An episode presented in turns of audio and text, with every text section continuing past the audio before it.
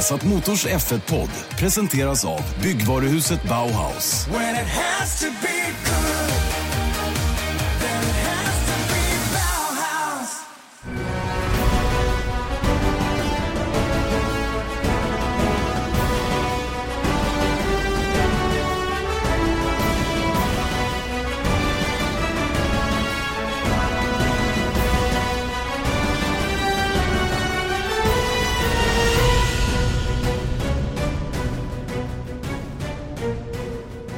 Mycket välkomna till en ny eh, Formel 1-podd då här på eh, Viasat Motor. Viasat Motors F1-podd alltså som ni varje vecka hör på Acast, iTunes eller på viasatsport.se. Ehm, en vecka som har gått nu då efter eh, premiären, eller i alla fall några dagar, det har inte gått fullt en vecka. Men ehm, det har ju varit ganska turbulent i alla fall. Dagens gäst till att börja med ska jag säga är ehm, Viasat Motors egen redaktör och producent Erik Stenborg. Välkommen. Tack ska du ha. En av dem. En av dem ja, men du är ändå chef på något sätt. Så är det ju. Jag tror att frågar vi Eje så skulle han säga samma sak. Bra. Eh, hur den är så har du jobbat med det här väldigt länge och har god insikt i sporten och framförallt har du eh, lite synpunkter och åsikter på saker och ting som sker just nu vilket är intressant. Läget i Formel 1 är för närvarande tämligen kaotiskt. Eh, vi hade ett eh, tämligen misslyckat försök till nytt kvalformat i Australien. Eh, vi har dessutom de senaste dagarna eh, fått reda på att man kommer att ändra det kvalformatet till eh, Bahrain som är nästa deltävling. Och vi har också hört att man kanske inte ändrar det tillbaka till det gamla utan hittar någon hybrid mittemellan. Vi har också sett att det kommer brev från förarna som nu tycker att nu får det vara stopp. Förarna tycker inte att Formel 1 sköts på ett korrekt sätt. Ungefär där står vi just nu, är det korrekt? Ja, det tycker jag. Och alla kan väl enas om att det som vi såg i Australien i kvalet var inte speciellt bra. Och då ändrar man tillbaka till Mm. någonting. Vilket är också bra, för att det fungerade inte speciellt bra. Men jag tänkte på en grej apropå, det var ju enorm kritik och det såg väl alla, att eh, all, alla förare, det var det enda liksom, vi letade efter eh, i våra intervjuer efter kvalet eh, av de som Frida gjorde, efter någonting någon förare som säger någonting om racet. Det var ingen som pratade om det. Utan alla pratade bara om hur dåligt kvalet var.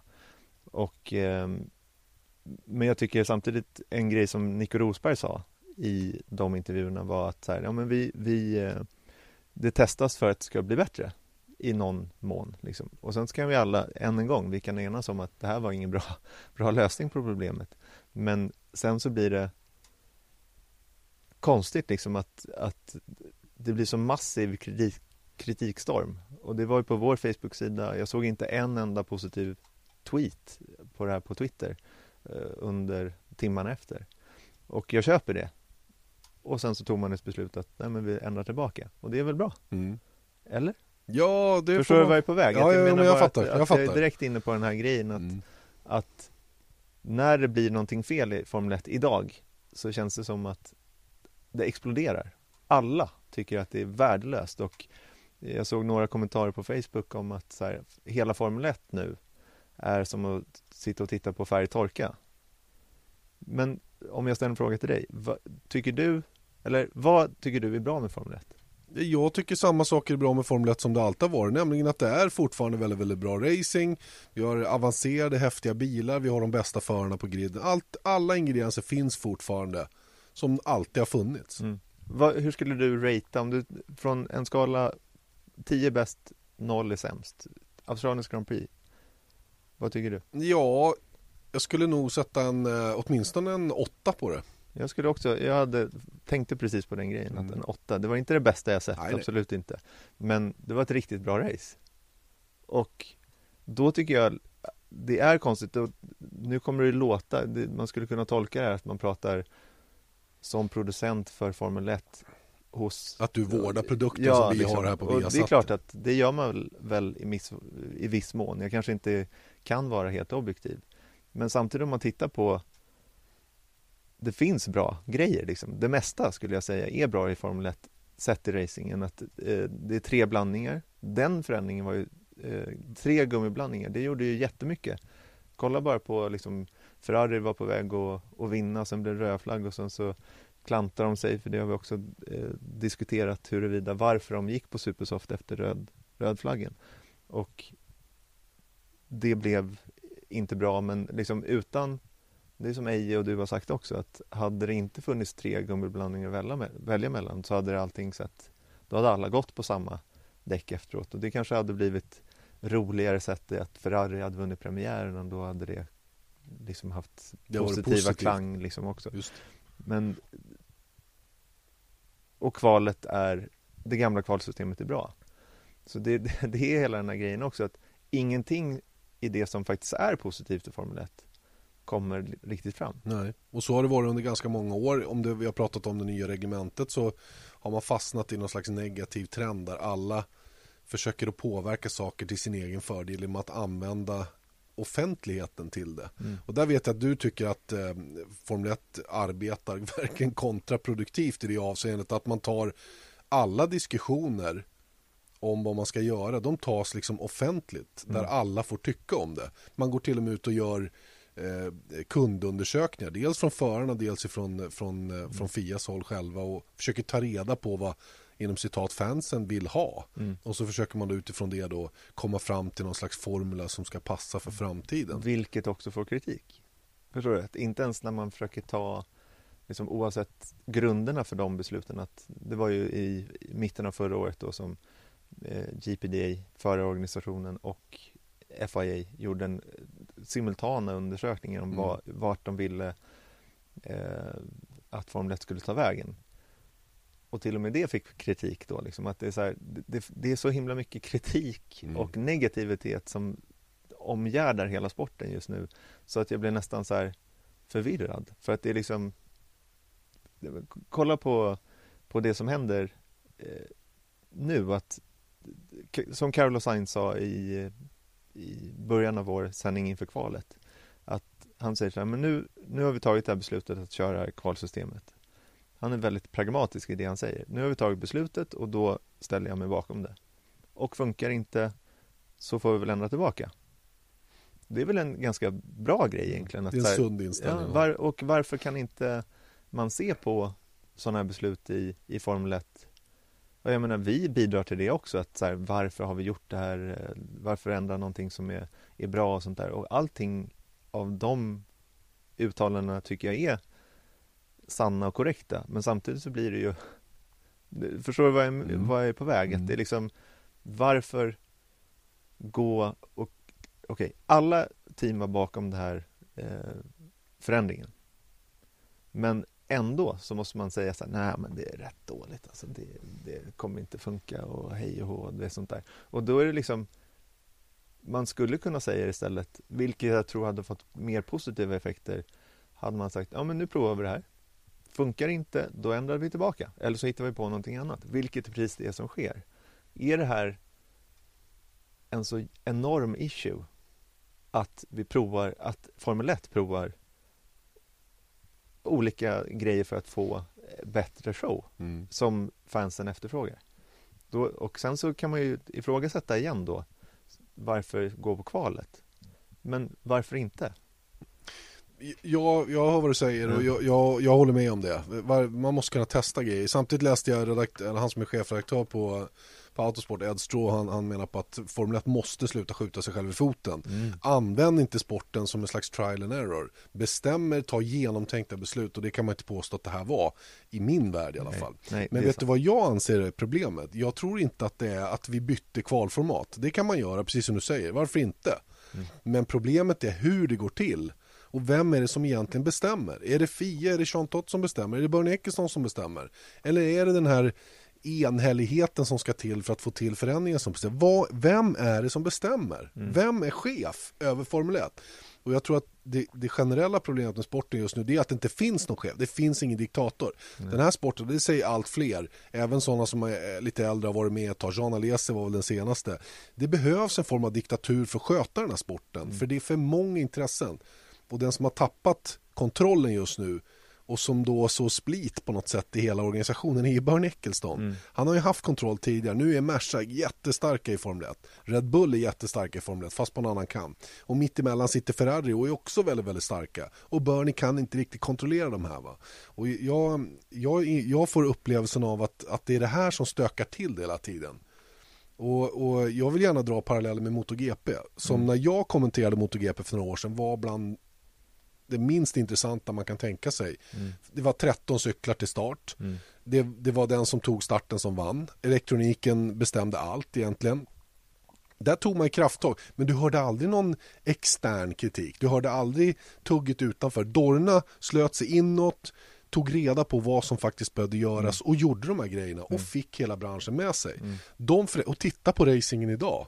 Vi hyllar ju finalracet från förra året, hela den säsongen förra året. Och starten nu har börjat lika bra. Det är det här som är grejen med F1. Att, att, eh, att inte sluta leda. Och det tror jag det är det du är inne på också. Att, att varför kräkas på sin egen farstutrapp liksom. Ja, exakt. Ät inte där man skiter. Nej, man säga. lite så är det. Ja, men det, för jag, jag tittade faktiskt på, på det häromdagen också att vi har, alltså jag tänker på alla instanser som ska liksom jobba för att F1 blir bättre. Då har vi The Strategy Group, vi har andra working groups, vi har The F1 Commission, vi har World Motorsport Council, vi har Bernie, vi har från och med idag inte minst förarna, Mm. GPDA, och vi har FIA. Och alla är väl mer eller mindre överlappande. Ja, och representerar på ja. lite olika ställen. Och då blir det ju också en sån här, det kan jag förstå att det blir liksom irritation då, speciellt från tittare och fans. Att så här, okay, men nu är det ett nytt initiativ och nu är det en ny survey och nu är det någonting nytt som ska, men istället så skulle man kunna bara Ja, men, och vad hände med det? Det pratade de ju om förra året. Christian Horner pratade om att han sa ju det att Bernie och eh, Jean Tott måste liksom eh, gå in där och bara styr. Ja. Och då hade det kanske blivit bättre. Och, och sen så pratar vi om att demokrati är inte bra för Formel 1. Men, och då återkommer jag till det jag pratade om tidigare. Att nej, det är nog inte det. Alltså, men innan vi har det, då kan, vi väl, då kan väl de, för att gynna sporten och för att få slut på skitsnacket. Och jag menar, än en gång, jag kan inte vara nog tydlig att jag tycker verkligen att det finns fel i Formel 1. Men det finns också bra grejer.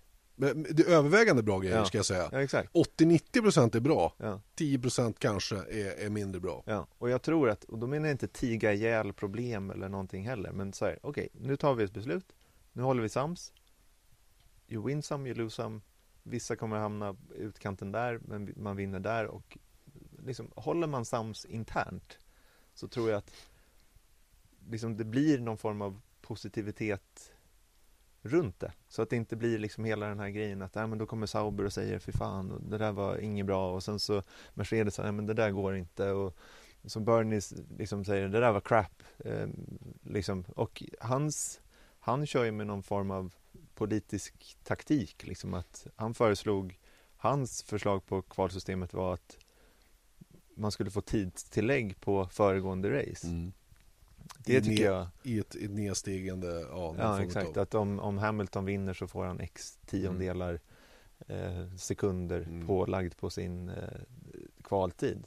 Det tycker jag är, så här, det är fundamentalt mot för att den snabbaste bilen ska kunna vinna. All form av balance och performance funkar inte i Formel 1. Nej, det tror det, jag inte det håller jag med om. Men det, ja, det, det är liksom Tror du att man någonsin kommer att få till det här och få ett ledarskap? För jag kan tycka så här, i och med att jag är ju tycker det är toppen att Mercedes, Ferrari, Renault, Honda investerar stort i Formel 1. Och att de självklart då tycker att de ska ha något att säga till om hur sporten utvecklas och vilket reglemente som ska vara och så vidare. Men samtidigt så tycker jag att Formel 1, och i, det måste ju bli FIA, har, har, eh, har dabbat sig lite i och med att de, de sålde iväg kommersiella rättigheterna. Bernie har i olika steg eh, sålt iväg sin egen kontroll över sporten. Och det här har fått till följd då att de stora tillverkarna som har kommit in nu kan, kan ehm, eh, vad ska jag säga, de kan vara med och, och rucka på saker och ting eller i alla fall bevaka sina intressen på ett sätt som gör att det går i stå. Allting går, det går liksom inte att förändra någonting och göra grejer som är framåtskridande för sporten. Och eh, jag kunde tycka att eh, Fia måste, jag vet inte hur de ska komma ur det här dödläget. Hur de ska få tillbaka kontrollen över de kommersiella rättigheterna och få kon- tillbaka kontrollen över sitt eget mästerskap. Och mycket välkomnande säga Mercedes, jättekul att ni vill vara med och köra i vårat mästerskap. Det här är förutsättningarna. Om det går bra för er kommer ni att sälja era bilar på det bla bla, och så Mm. vidare. Va? Och samma sak till Renault och till de andra. Välkommen att köra i vårt fina Formel 1-mästerskap. Här har ni förutsättningarna som gäller, gör det bästa av det och går det riktigt bra kommer ni ha toppenförsäljning av era fantastiska Mm. bilar. Mm. Det är någonstans där vi måste komma tillbaka. Men jag vet inte om det någonsin är möjligt. Efter att ha hört Dieter Enken förra året berätta lite grann om vem Mm. som äger och hur det här har gått till Mm. med Bernies eh, köp av de kommersiella rättigheterna och hur CVC, de här som äger hälften av intäkterna Mm. hela tiden som Formel 1 drar in, då blir man ju, man, man känner inte att det finns något ljus i tunneln riktigt. Vad känner du? Nej, så är det. Alltså, men samtidigt så känns det som att det som händer nu, det är inte bra för någon. Det är inte bra för eh, Mercedes, det är inte bra för Sauber, det är inte bra för Bernie, det är inte bra för CVC, det är inte bra för FIA. Det är inte, liksom, jag ser inte just den här kritikstormen. Och sen så kan man liksom, och då lämnar vi ändå ute Mercedes dominans och, och, och allt det där. Mm. Men jag tror att i varje fall i amerikansk politik så har ju eh, presidenten något som heter presidential veto. Liksom att okej, man, man kan driva igenom en punkt oavsett. Det är en demokrati, men han har jag, jag kan inte exakt Nej, hur det funkar men, han men, men är det, han, han kan säga så här, nej men nu gör vi det här. Mm. Liksom. Eller om man ska driva igenom någon annan lag som går igenom kongressen, senaten eller vad det nu är så kan han säga nej. Så blir det inte. Nej. För att han har vetorätt. Det kanske är det. Låt oss fortsätta med demokrati. Att eh, teamen har rösträtt. Man kanske kan gå på en majoritet istället för enhälligt beslut. Framförallt, det är väl en, En bra början. ja, en bra För, början. för att få det att lossna lite grann. Exakt, då kan man i alla fall göra någonting. Eh, och att alla har lika rösträtt då. Eh, Mm. inte att, eh, eh, vad heter de då? Teams Association. Ja, ja, Ja. Att de, ja just det, Ja. just det, jag fattar. Att de har mer att säga till om och, och sånt där. Men, och sen så då att Bernie, kanske tillsammans med Jean Tott i FIA, kan ha ett veto. Ja. De, det vart ju beslutat det i World Motorsport Council att de skulle få mer mandat att leda sporten i viktiga direktiv eller ja, med Ja. viktiga direktiv eller i en rätt direktion så, eller riktning så att säga då. Mm. Eh, och Jag vet inte om vi har sett någonting av det egentligen men, men eh, det kanske är på ett ännu större plan med Mm. hur framtida reglementen ska se ut och så vidare och hela den biten. Mm. Men, men eh, ja, det är en klart oroande situation som är just nu F- trots att det egentligen inte skulle behöva vara så precis som vi har pratat om hela tiden. Det är Mm. ju fortfarande så att sporten till 80-90% är väldigt, väldigt bra. Mm. Några få procent är inte bra och Mm. eh, det är tyvärr då de här få procenten som speglar av sig väldigt tydligt. Ja. Och det bidrar ju alla till att, att det kanske, om det nu är 15% som inte är bra, så det är de som hörs. Mm. Och det är ju tack vare för att alla skriker inom Formel 1. All media skriker om det. Och jag tänker, jag, jag läste det här som Jonathan Noble skrev om eh, U-svängen på en U-sväng för att göra det här till eh, det här nya då att man tweakar eh, Q1 och Q2 igen då men att man behåller Q3 Så som det var eh, förra så året. som det var förra året. Det är också att även när man läser en sån sak så finns det ju en, en liksom skrockande liksom Mm. ton i Mm. den artikeln liksom också. Och, och jag menar att sånt och jag menar, jag skyller inte på honom eller, eller för vi gör precis säkert likadant. Mm. Eh, men det är just den grejen att så här, det finns en opinion eller en åsikt i varenda människa som uttrycker sig om Formel 1 och den är oftast negativ. Jag menar, jag tänker på, det finns ju andra exempel också. Nascar införde The Chase som är alltså ett slutspel i, eh, i Nascar de sista racen där så startar de på noll och då har vissa som har gått till slutspel eh, de är kvar i The Chase for the Sprint Cup. Jättemånga som var kritiska Det var omdiskuterat Ja, alldeles väldigt. Väldigt, väldigt. Eh, men det de gör sen, och jag kan inte så mycket om organisationen runt Nascar och varför det blev så, men sen så säger de så här, ja, nu har vi det här. Beslutet är taget, nu kör vi på det.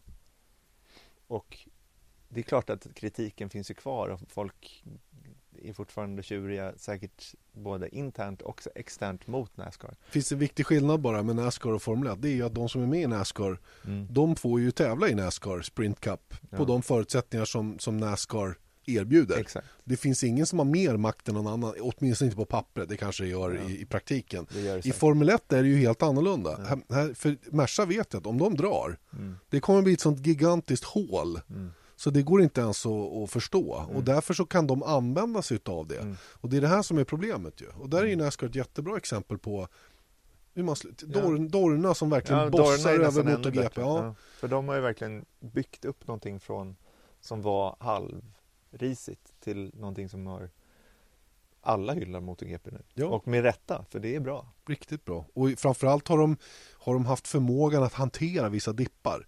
För även i MotoGP så skenar utvecklingen iväg och man inför grejer Ja. som man kanske inte hade förutsett riktigt var det skulle ta vägen. Mm. Och nu backar man tillbaka enhetselektronik.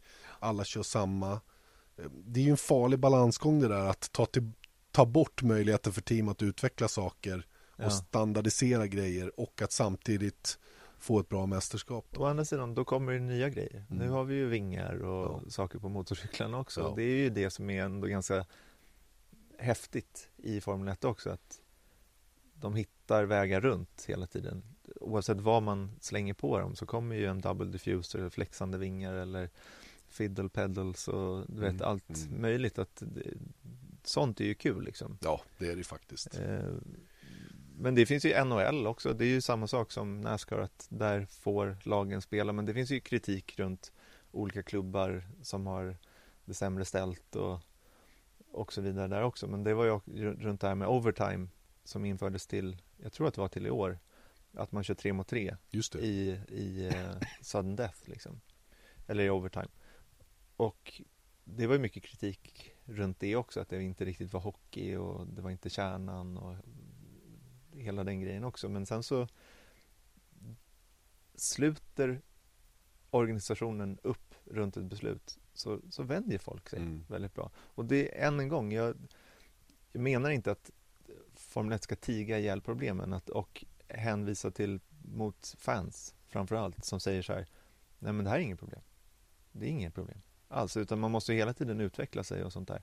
Men det är just den här interna äta där man bajsar Har du saltvatten och fyller på med sötvatten så blir det bräck till slut. Va? Ja. Jag menar någonstans så, och till slut blir det sötvatten. Ja. Och det är ju så här, det är ju någonstans det man måste börja jobba med i Formel 1. Man måste liksom översvalla alla med allt som är positivt. mm. För att på något sätt skölja bort all den, neg- den negativa attityden. Inte Mm. kritiken, Mm. men attityden. Mm. Och det tror jag är ett jättearbete som man har framför sig nu. Ja. Som, som jag tror man kommer få svårt att lösa på Ja. kort sikt. Kanske på lång sikt. Men det kanske kräver också att några nyckelpersoner försvinner. Ja. Att det kommer in några andra människor som, som tar hand Börne Eccleston. Många tror ju att han är en förvirrad gammal gubbe. Mm. Och att han kommer med tokiga beslut bara för att eh, han sitter hemma på kammaren och, och har Alzheimer. Va? Det Mm. kan inte vara mera fel. Det finns få människor som är, har varit så fruktansvärt bra för sporten. Rent ekonomiskt och hela den biten. Problemet som han har nu och som skapar situationer som vi inte gillar det är som sagt att han inte har kontroll längre. Mm. Och det får han ju ta på sig lite grann. Mm. För det har han ju tvingats till genom åren. Han Ja. äger väl vad har han 5% själv utav ägarskapet och 8% i någon familjetrustfond eller någonting sånt där va? Mm, jag kan inte det. Nej. Inte. Och, och, och, och sen är ju ägarskapet utav de kommersiella rättigheterna lite spridda då. Och det problemet var ju det med CVC att de trodde ju att Formel 1 skulle in på Singaporebörsen men då hade ju Bernie betalat någon bankman Mm, där så mm. det, det vart Ja, inte riktigt. liksom- Ja men det är lite så. Bernie, har, Bernie är bra va men han har också ställt till det på många sätt va för att han spelar högt hela tiden och, och kör sitt race. Så det, det på något sätt eh, så kanske han behöver det kanske behöver en ny kraft där helt Mm. enkelt. En ny människa. Men inbilla dig för all del Hoppas- inte att han är ett pucko. Jag hoppas innerligt att han är väldigt, väldigt stark, den nya människan. Om det är en kvinna eller, eller man. Men den måste vara en hårding alltså. Problemet som jag ser och som Dieter Enken också berättade för oss förra året det är ju att det finns ingen success, succession order, Nej. heter det så? Mm. Det finns ingen, det finns ingen arvtagare, ja, Ja. det finns ingen arvtagare klar. Nej. Han har inte förberett för att kliva av. Och Nej. det är lite bekymmersamt, om det stämmer. Jag har Mm. svårt att tro att det gör det till 100% men Mm. det, vi har inte sett att det är någon som håller på liksom att vallas in. Utan det är fortfarande han som Det är väl Pasquale Ja, fast det... det... Men han kommer nog inte... Nej, han kommer nog inte få den rollen va. Det, det, tror inte jag. Men, men eh, det, finns ju, det finns ju andra personer och man har ju hört lite namn till höger och vänster. som Christian Horner? Till exempel ja. Och Bernie och Horner, det är ju ingen hemlighet att de har en tajt relation mm. och, och, många gånger vill samma saker mm. av samma skäl då. Mm. Bernie är ju medveten om hur viktig Red Bull är för Formel 1. Det är ju, mm. Tänk om de skulle hoppa av, vilket de hotade med länge under förra ja, året. Vilket hål skulle inte det bli i sporten? Men vem skulle du vilja se då? Eh, jag kan, inte, jag kan inte bedöma det, för jag vet inte riktigt vad som krävs för att sitta på den posten. Jag skulle kunna tänka mig en person bara som kommer sådär, mm. som jag skulle kunna tänka mig på den posten, som jag tror har insikten i båda lägren. Både det kommersiella och det tekniska och vad som krävs för att Formel 1 ska driva vidare är Ross Braun. Mm. Eh, Ross Braun har ju faktiskt varit i huvudsak ingenjör och liksom varit på, på den sportsliga sidan och även tekniskt då varit med och tagit fram väldigt framgångsrika bilar. Mm. Men han drev faktiskt team också. Mm. Eh, dels gjorde han det med Honda, mindre bra och sen så drev han sitt eget team och sen var han kvar i Mercedes mm. och var den som startade deras uppgång så att säga då, och hade en långsiktig plan mm. för deras dominans som de har idag. Mm. Den började ju redan kanske 09 under Braun-tiden. Eh, så började man kika på det nya mm. reglementet 2014. I alla fall så fort mm. man fick reda på det. Och han, jag tror att han har den kunskapen och insikten som skulle krävas. Mm. Ja, men det, det, är faktiskt en bra... Jag tror faktiskt att det hade varit bra... Christian Horner har ju också en historik i att han har tävlat själv. Han har drivit eh, Formel 3000-stall och GP2-stall och sen så Red Bull så att han, har ju, han är ju en så kallad racer liksom. Mm. Medan jag har hört, jag satt förra året någon gång och pratade en längre stund med en teamchef i Formel 1, inte på en intervju. Men den här personen pratade om att det är också ett problem inom varför till exempel Ferrari, Mauricio Arrivabene och mm. Toto Wolff att de är så de är så vad säger man, att de är stenhårda i sin ståndpunkt. Alltså de ser bara ja. till sig själva. Ja, för att de är ju anställda, får lön och de får en ja. bonus när det går bra. Och har inte liksom riktigt en, en historik inom, inom F1. Så, att, så de liksom kommer in och de blir väldigt dominanta, sitter på höga positioner och då utövar de makt och de har oerhörd press uppifrån också. Mm.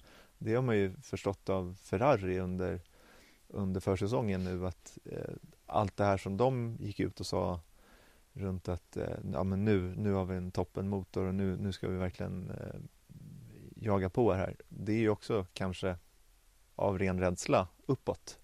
Att vi måste liksom vinna nu. För annars så ryker eh, Arriva Bene likadant som Dominicale gjorde Just. tidigare. Så det finns ju en sån aspekt också. Jag tror att Horner eller, men ännu mer Braun, kanske har historiken i, eller erfarenheten av Formel 1 på så många olika plan.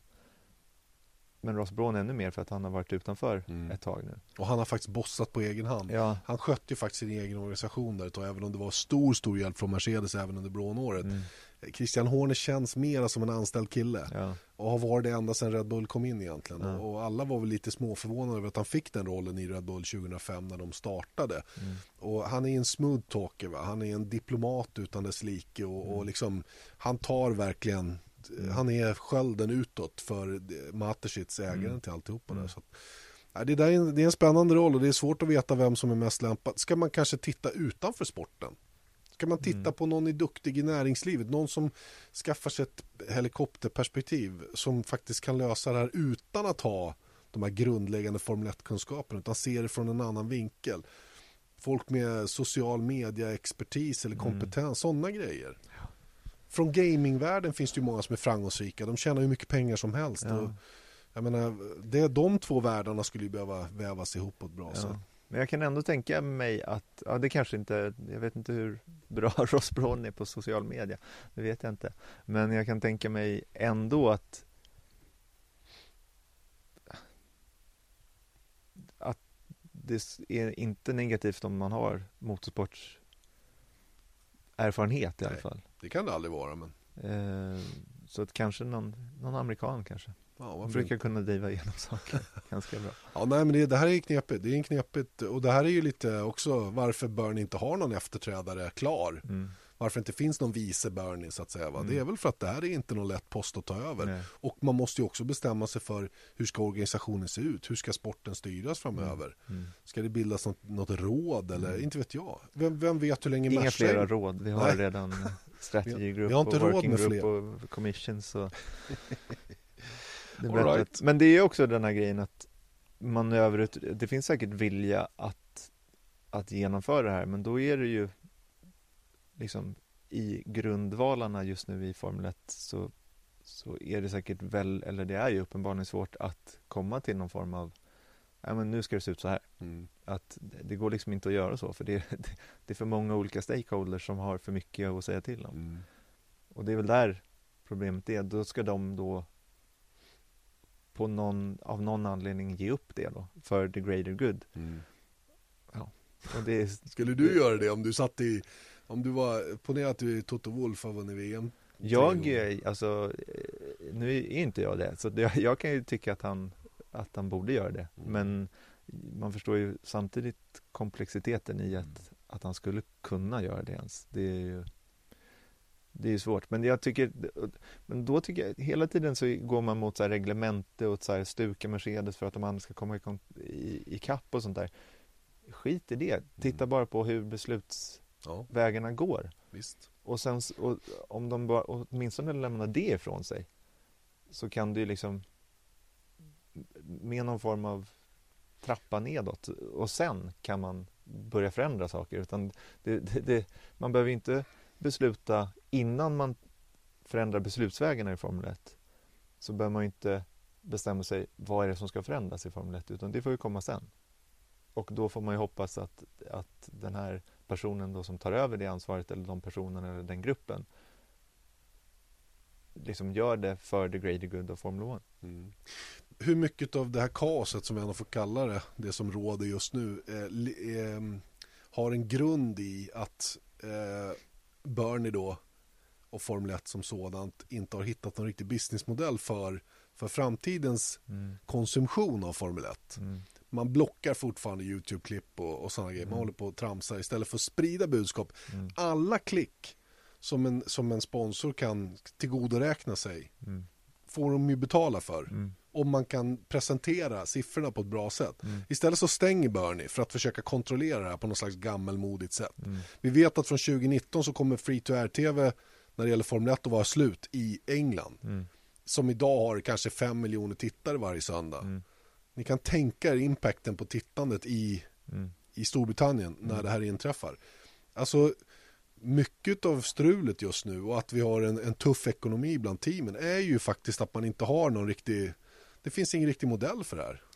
Men, men det är också så här, då, då kan man ju ta Dels då, så det var faktiskt senast idag så eh, talades det om internt här på Viasat att man skulle vilja köra trailers för, för eh, inför loppen in, in i sociala medier. Och då är det det kollats med FOM och de säger blankt nej för att problemet är om man lägger ut någonting på Facebook så äger Facebook klippen. Just. Om, vi lägger ut, om du lägger ut en profilbild så äger i praktiken Facebook det. Eh, Är det bara Facebook eller finns det, gäller det de andra sociala jag vet medierna inte, också? men det, just den här frågan var det Facebook. Men då kan jag också tycka att så här, ja. Men om vi lägger ut en 15 sekunders trailer, kolla på Bahrains Grand Prix, första till 3 april. Med den texten, vi har satt motor och Mm. en, en bild på en 1 Ferrari, liksom. Ja. Gör kan det inte- något? Ja, liksom? precis vad jag tänkte säga. Ja. Kan det vara negativt för Ja. sporten på något endast litet sätt? Ja. Ja, möjligen för att de inte vet om att den exponeringen finns och därmed inte kan ta betalt för den. Och det, det, Ja, det är det här gör som de ju genom oss. Ja, det gör de ju via, via Sats, så de får ju betalt för det egentligen. Att Visst. Liksom, och ju fler tittare vi har, desto dyrare blir det. Ja, jo, Också, så är det ju så- också i och för sig. Då. Men om vi, om vi säger att de behöver kunna räkna Mm. klickandet, alla små, alla små grejer som görs, all varumärkesexponering som görs hela tiden via sociala medier, vad, vad det än må vara. Mm. Det är ju här Formel 1 måste lära sig att ta betalt på något sätt, Mm. Utav sponsorerna. Mm. Vi kan, vi, vi, det klickas så här och så här mycket. Mm. Vi släpper allting bara dunderfritt. Mm. förutom själva tv-produktionen, den vill man ju kontrollera Mm. fortfarande på ett eller annat sätt. Kanske säljas med videopass eller Mm. vilket vore förödande för en kanal som oss. Men, men, eh, Ja men Ja. kolla, kolla på MotoGP där också, de har en jättebra eh, Youtube-kanal mm, där de lägger upp klipp löpande under helgen och sånt där och, och det är ju sådana klipp som vi då till i år när vi satsar lite extra på MotoGP har bett att få tillgodoräkna oss. Att så här, de gör en overtake ana- analysis och en crash analysis och, och sådana där grejer som de lägger ut på, på Youtube men, men vi har sett till att vi kan få använda dem också och Mm. spika det med Tobbe och, och, och Nikola. just det. Eh, och, och det är Youtube och där kan man ju tjäna pengar. Problemet är att man kan inte tjäna pengar på Facebook för att lägger man upp det där så, så lägger man upp det där. Mm. Men på, på Youtube så kan man ju faktiskt lägga ut ett klipp med en pre-roll reklam Mm. till exempel och där finns ju ändå en intäktsmodell för det. Eh, så att jag ser inte, nu har de väl, de har väl en Youtube-kanal? Jo, jag tror att de Ja. har det och de Ja. har ju ett Instagramkonto. Ja, de, nu har de Facebook Alltså det också händer ju, det Ja. händer ju grejer va? men fortfarande det här det de inte tycks förstå det är ju att det, det, det är ju kvantiteten Mm. som de säljer reklam på eller Mm. som, de kan, som de kan tjäna pengar på. Mm. Det, det är mängden klipp överallt. Det är Mm. ju det är ju den spridningen från alla människor, det är den som man är ute Mm. efter. Och en, en annan grej, apropå nu eh, Det var Sky eh, skrev ju på från 2019, 2019 ja. Och det är därför eh, Channel 4 och sånt där kommer Just det. försvinna bort Ja. Eh, Exclusive live rights helt enkelt Och då kan man ju tycka då att Jag vet ju till exempel att Jag tweetade om någonting i slutet av och, det kanske är orättvis kritik mot, mot DN men jag tittade i alla fall i, i DNs eh, sportsida och det stod inte ett enda ord om, om Formel 1, inte ens resultat eh, i måndags då Mm. eh, när premiären av en av världens största sporter hade, hade gått och vi har en svensk i startfältet och allting. Och det tycker jag är konstigt. Men samtidigt då så vet jag att andra medier skulle vilja göra mer runt Formel 1, framförallt TV. Mm. Till exempel SVT skulle absolut vilja komma ut och göra ett reportage om Marcus. Mm. Men de får inte komma in. Nej. Och till och med, liksom, jag vet inte hur mycket man kan säga om, om den saken, men vi skulle inte ha något problem med att... Det är ju bara bra för ja, oss. det, det vore ju bra också. För att eh, vår... Jag skulle gärna se Marcus Eriksson som en household namn, liksom Mm. att alla vet om vem Marcus Eriksson. Om man tittar på Danmark som Mm. vi samarbetar med, Just det. det går på TV3 Sport, vilket är en fri tv-kanal. De har alltså en, en reach på liksom enorma siffror i Danmark. Och Kevin Magnussen är, jag tror att han är alltså den näst Mest, Mest omtalade omtalade idrottsmannen i Danmark. Mm.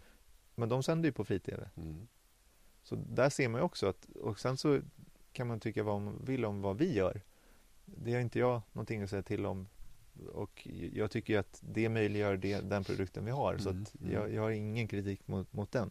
Men däremot att om nu F1 blir insänkt i betal-tv-fönster möjliggör då för fri-tv eller public service-fönster Att hjälpa Att till att göra rapportera reklam. om det. Precis, att på det viset göra reklam Ja. för Ja, eller reklam, men Ja, liksom men bara för det, finns, det. finns ett stort intresse för, Mm.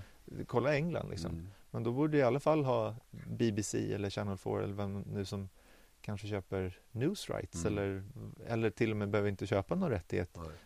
så länge de kan visa det på sina nyheter. Och det Just löser ju de. Det är klart att BBC inte kommer sluta rapportera om, Nej. om Formel 1. Men vi har ju sett när Sky låste in Premier League så fick de inte Ja. visa en enda eh, springande spelare. Nej, Det blev mycket stillbilder och det gäller ju även andra stora medier. Så ja. det är ju många gånger lite krig om Ja. det där också. Men, men, Men det är just den där exklusiviteten som har fungerat för Formel 1 tidigare år. Det har ju ändå förändrats så enormt i, i tv-landskapet och Mm. eh, allt det här med fallande siffror. Däremot så tycker jag också att det här med fallande siffror, om man räknar antal tittare, då är det ändå liksom sett i reklam till exempel för teamen.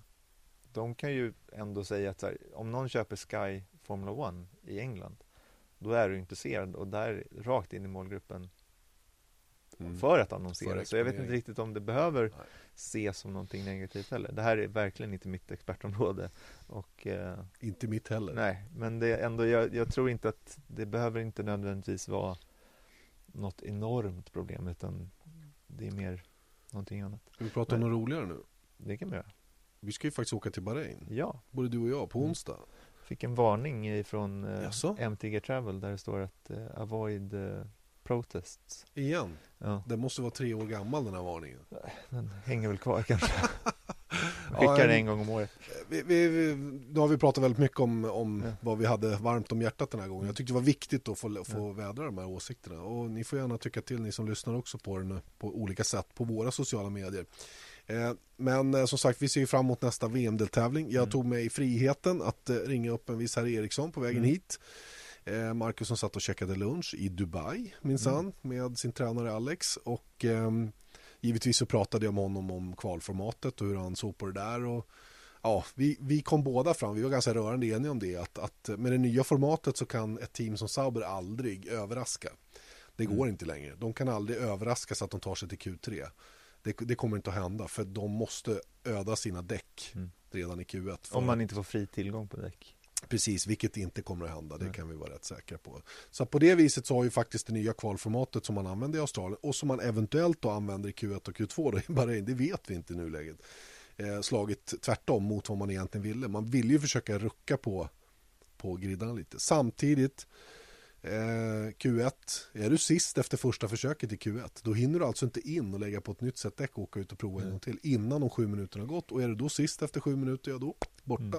Skulle du göra ett miss, heter du Nico Rosberg, bromsar Mm. på dig, gör en grov miss, hamnar i sandfållan, då är du är Gone. trafik bara. gone. Ja, Mm. trafik, ja absolut. Trafik kanske kostar någon sekund och borde ändå, för de borde ha som marginal till de sista så de klarar det. Men jag tänker mera på om, om, om man bromsar på sig och, och hamnar vid sidan av, kommer upp på banan igen och i normalfallet skulle man Mm. åka tillbaka till depån, ta ett nytt set däck och så banka in det man Mm. behöver. Det går ju inte nu. Nej. Så det är ju, en, det är ju en, ett scary moment så att Mm, säga då, för mm. alla. Ehm, vi pratade mer om det där och vi, vi pratade just om att de faktiskt trodde att de hade gått vidare till Q2 i Mm, teamet. Det här med att eh, Julian Palmer och Marcus Eriksson, faktiskt bägge två, Mm. hade möjlighet att köra sina varv lite senare Mm. i sekvensen här på slutet än vad de faktiskt gjorde, eller än vad i alla fall Marcus gjorde. Mm. Mm. För de trodde ju att de var tvungna att vara klara innan de sista 90 sekunderna hade gått ut. Det var ju inte fallet. För den sista, de sista två bilarna fick ju faktiskt köra färdigt sina varv efter att målflaggen var ute. Men, eh, men jag säger så här, om de ska prova någonting jag, jag är faktiskt, jag skulle tycka var rätt kul om de testade det där kvalsystemet i Q1, Q2 och sen så köra En vanligt Q3. Mm. Se hur det går. Och sen så, som Carlos Sainz sa, då får vi ändra tillbaka till Kina då. Ja. ja, det är ju inte något större bekymmer egentligen. Och hade de, hade de kört så nu i Australien då hade vi tyckt att kvalet var en succé tror jag. Ja, jag tror det också. Att, eh, Sen så var det ganska rörigt. Alltså, Ja. var, jag, jag tittade på kvalet igen efterhand. Faktiskt både hos oss och på NBC. Eh, och ingen hade ju riktigt hundra koll på, på det där mellan Q1 och Q2. Alltså hur man skulle åka ut och sånt där. Och sen så upptäckte jag också att den här klockan som man såg i eh, 90 ner, sekunder. 90 sekunder, den kom ju inte. På de tre, fyra första. Nej. Så då var det så här, oh, du vet, Då fick jag sitta och räkna i huvudet och Ja. räknade fel givetvis Ja. i förvirrad hjärna. Ja. Så jag, jag låg fel på två minuter. Det var ju vid nio minuter som det började försvinna det. bilar, inte vid sju minuter som Nej. jag trodde. Och det var en sån här tankevurpa. Men det Så blir ju också så här, det, jag menar vi har kört det gamla kvalsystemet, vad är det, tio år? Mm. Det är klart att så här, alla är vana vid, alla som tittar, Mm. vi som jobbar med det, de som kör, alla är vana vid så här, okej strukturen ser ut så här, man Mm. går ut i Q2 så gör man ett försök och sen så blir det lite paus Mm. där och sen så kör man sista, men det kommer ju också landa någonstans. Men det kan Mm. eventuellt spice upp griden lite, Mm. just av den anledningen som du säger. Just och jag menar, en Rosberg, han behöver ju faktiskt inte, jag sa trafik, men han kan ju få sitt varv förstört bara. Mm. Det behöver inte vara att han hamnar i en sandfålla, utan Nej. han kan ju liksom göra som Vettel gjorde Mm. eh, i slutet av racet, att han Mm. halkar av lite och sen Just. så är på igen, så Ja. att han fortfarande kan, skulle kunna fullfölja, men Mm. Men tiden Ja. räcker inte till. Nej, exakt. Nej, nej. och jag vet inte, jag, jag är personligen öppen för förslag faktiskt. Bra. Och hur ser du på Bahrain då, annars? Jag gillar det rätt så mycket Ja, men det roliga är att vi får ofta frågan, framförallt du kanske, men även bland mina vänner, att så här, vart ska man åka någonstans? Mm. Sen så, och då är det ofta, vet, Monza, spa och sånt där, men just för att vara där så är det inte Det är fint väder i september i, på Mm. Monza men Mm.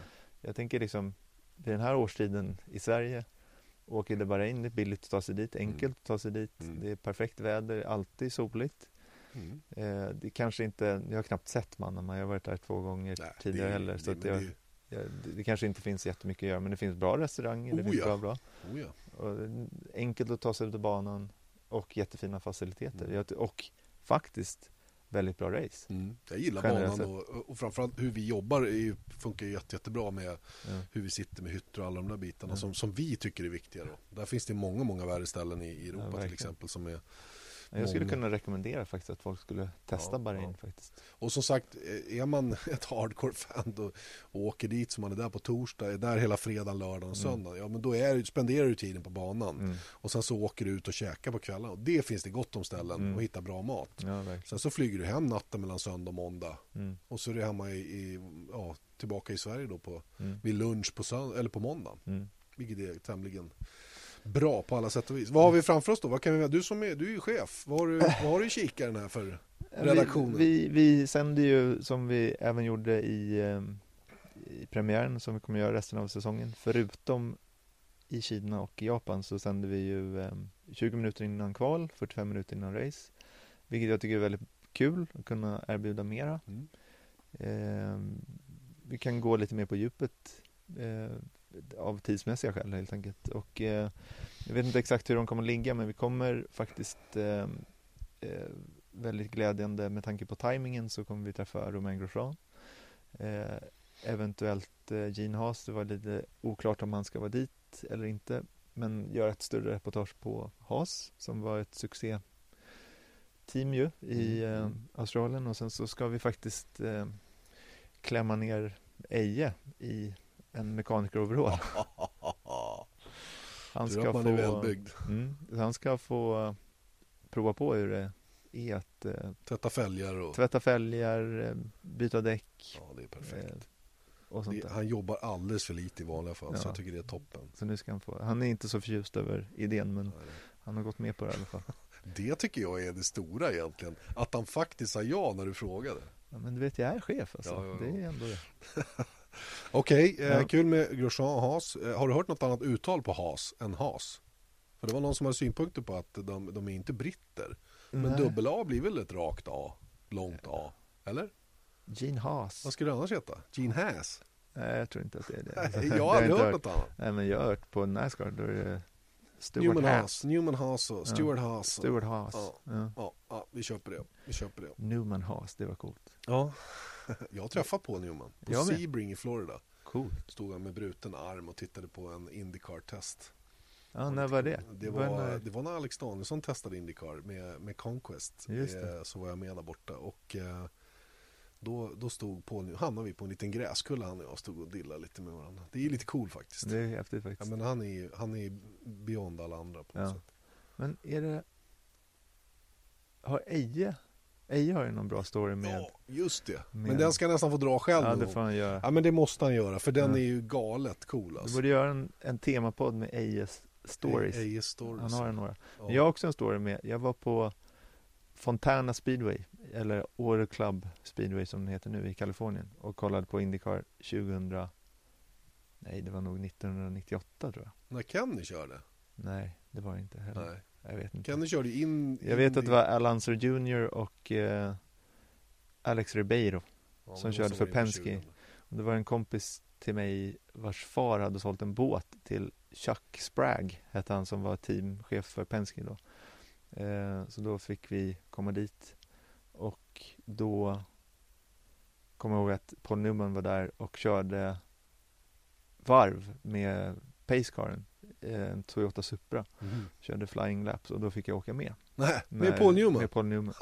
Fasen vad cool. Och sen senare på kvällen så var vi på en restaurang och då sitter Mario Andretti och Paul Newman vid bordet bredvid och eh, Mario Andretti drack en, en Sol-öl och eh, såklart Paul Newman en Sam Adams öl.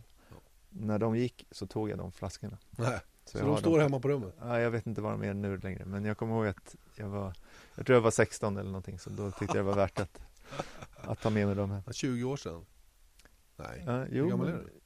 33. Ja, inte riktigt 20, 17 år. Ja, men då kan Ja. det stämma att det var precis skarven 99, 20. Ja, men någonstans där var jag. Ja, ja. Om jag räknar då, vilket inte är min starka sida. Nej. Det har ju alla märkt redan. Ja, men eh, vad kul då. Men då drar vi till Bahrain kort och gott och ehm, hoppas att det går lite bättre. Jag frågar givetvis Marcus också vad han trodde nu, för det är inte så konstigt att det gick som det gick på ett sätt i, i Australien. De hade kört, Mm. han, han hade kört en och en halv dag med bilen, Mm. vilket inte betyder någonting egentligen att lära sig hur den Nej. ska ställas in. Eh, å- återigen tror jag den har svårt att, att hamna i arbetsfönstret för däcken. De hade Ja. inte kört någonting på Supersoft under testerna. Eh, hela fredagen regnade bort. Det var Ja. mycket som talade emot att de skulle hitta fart på söndagen. Nu funkade det hyggligt på lördag men eh, nej, jag tror inte bilen är så dålig som den var i Australien. Tvärtom. Nej, jag tror att det. eh, några race till och framförallt banor som Bahrain, Kina passar i deras koncept bättre. Då. Mm. Så Du som kan allt då, vad, apropå den här uh, fighten Mercedes-Ferrari, Mm. Var inte Vettel åtta tiondelar bakom i kvalet? Eh, ja, stämmer. Ja, Förra året var de en- 1,3, 4 eller vad det? ja, någonting sånt. Och ändå så såg det ut som det gjorde i racet. Sen var det mycket tack vare starten då. Ja. Och sen så tyvärr då en, en, ett misstag måste man väl ändå Från kalla det någonstans i, under rödflaggen. Mm. Men vad tror du Albert Park är ju en typ av bana, Bahrain är ett helt Mm. annat. Vad tror du vi kan vänta oss i den fighten? Jag läste vad Mark Hughes sa. Mm. Och han menar ju på att eh, om de var åtta tiondelar bakom här så var de en halv sekund ytterligare närmare förra året, eh, Mm. Mercedes. Men då var försprånget större. Mm. Skulle det stämma här också, då skulle de vara nere i tre tiondelar bakom Mercedes. Jag tror inte riktigt att det är så. Jag tror fortfarande att Mercedes, och hade Mercedes tagit starten i Australien, då hade de vunnit med en halv minut. Mm. Ganska säkert. Eh, baserat på eh, deras pace rent generellt då. Och sen, Å andra sidan så var det ju första stinten där, så det var inte direkt så att liksom ja, men Ferrari lyckades inte rycka och normalt så skulle det kunna rycka mer än vad de gjorde. Det kändes som att Merca bara åkte och bevakade lite grann. Eh, De Ja, gjorde vad de kunde. De kunde däremot inte köra om, för det kan man inte på den här banan. eh, Och eh, ja, jag vet inte. Jag, jag får en, en känsla fortfarande att Mercedes är lite för starka. Jag hoppas att Ferrari är bättre i Bahrain än vad de visade I Bahrain har vi faktiskt kunnat se ganska konstiga Ja. race också. Ricciardo vann väldigt oväntat 14 var det va? Ja, just det. Stämmer. Sen minns jag inte vem som vann förra året. Nej, det var väl någon Merca antar jag. Ja, det var väl det. Men eh, samtidigt så, Ja, men det var ju menar- nattre, vi har ju haft några sköna avslutningar. Gutierrez tippade runt utav Ja. Maldonado. Och, ja, jag, tror att det har varit ganska bra race rent generellt. Eh, Så att, ehm, låt oss hoppas på det den här gången också. Jag tror att ehm, jag tror att Ferrari får försöka förlita sig till sina bra starter igen. För den Mm. var ju m- magisk från Vettels Mm. sida. Och kan de ta täten i Bahrain mm, och börja strula till det för Mercedes igen. Mm. Strategiskt och alla det där. Och just det faktum att vi har Supersoft, Soft Medium även i Mm, Bahrain. mm. Och vad mycket Supersoft de hade valt ja. i, på den banan. Ja. Jag var helt chockad. Vi och pratar olika, ju 6 olika 7 strategier också, Ja. eller olika val mellan Mercedes och Ferrari. Men när ska de köra dem? De kommer inte räcka många varv där. Tror jag i alla fall. Ja men de har ju redan valt det. Ja, jag det, menar, och de fick ju väljare långt före Ja, jul. exakt. Så Det det man, är- Men eh, fascinerande ändå hur man, hur man, ja men vi pratar alltså 5, 6, 7 set Supersoft. Ja, Och de räknar givetvis på att behöva använda dem i kvalet då. Men ja, det nya formatet på kval fanns ju inte då. nej, När man valde däck. Nej, det så det kan inte vara baserat på det heller. nej. Ja, det blir, Italiens. ja, men vet jag inte. Ja, men det ska bli sjukt spännande Ja, faktiskt ja, tycker ja. jag. All right. Vi är igång. Då stänger vi butiken för idag. Vad kul och intressant att prata om det här. Det är viktiga frågor som vi inte kan lösa men vi kan i alla fall vädra eller ta upp det till ytan så kanske ni som lyssnar också har lite Mm. synpunkter och åsikter på Och jag ska i alla fall försöka se saker och ting positivt. det, det, från den ljusa sidan. Ja. ja, men det har jag gjort Ja. länge. Jag, alla jag pratar med som klagar, jag brukar Ja. vända på det. Mm. Försöker alltid lyfta upp det som, det som är bra. Hur bra racing är, hur effektiva de här motorerna är, hur mycket hästkrafter de har. Alla Mm. de här bitarna som folk tror inte stämmer. Ja. Jag Det kör sa ju du också, att, äh, nu tar det här aldrig slut, men det var ju någon som, det motorjournalisten Fredrik Hult som la ut en, det, ett filmklipp på, det. på Suzuka 2000. år 2000 med V10 Mm. och då så kommer du med den ganska galanta analysen där att tre sekunder Mm. långsammare. Mm. Det är ju ljudet, Oh, vilken Det- det- illusion det, det- var. ja det kan man ju också fortfarande klaga på om man vill, Ja, ja. men, men apropå allt det här att det ska gå fem sekunder snabbare. just det. Det, gick i alla fall tre sekunder snabbare. Ja, ja, ja. Nej, det där, är- det där är bara trams. Det är bara, det är, ljudet lurar oss helt enkelt. Mm. Det låter som om det går något vanvettigt Mm. fort. Vilket det inte gör. Inte fortare i alla fall. Nej. Än vad de, och glöm inte att de bilarna vägde 575 kilo Mm. med minimivikt. Idag Mm. väger de 702. Mm. 100, vad blir det? 127 kilo. Mm. Det är mycket varvtider. Ja. Och man ska inte, man, visst man ska inte förringa illusioner. För att illusioner är Ja, ja, ja. till Det för är det. därför Men- trollkarlar är framgångsrika. Men, eh, men man måste ändå liksom lyfta blicken ibland tror jag. ja, ja. Kul det att jag prata. faktiskt. Jag har hållit på nästan en timme. Härligt. Det är toppen. Eh, Tack Erik Stenborg, redaktör, producent på Viasat Motor för eh, att du ville vara med i F1-podden. Vi är tillbaka om en vecka igen. Hoppas ni är med oss då. Vem det blir som gäst, det låter vi vara osagt än så länge. Men det blir någon intressant person i alla fall nere från depån i Bahrain. Tack så länge säger vi då. Tack, tack. Hej då.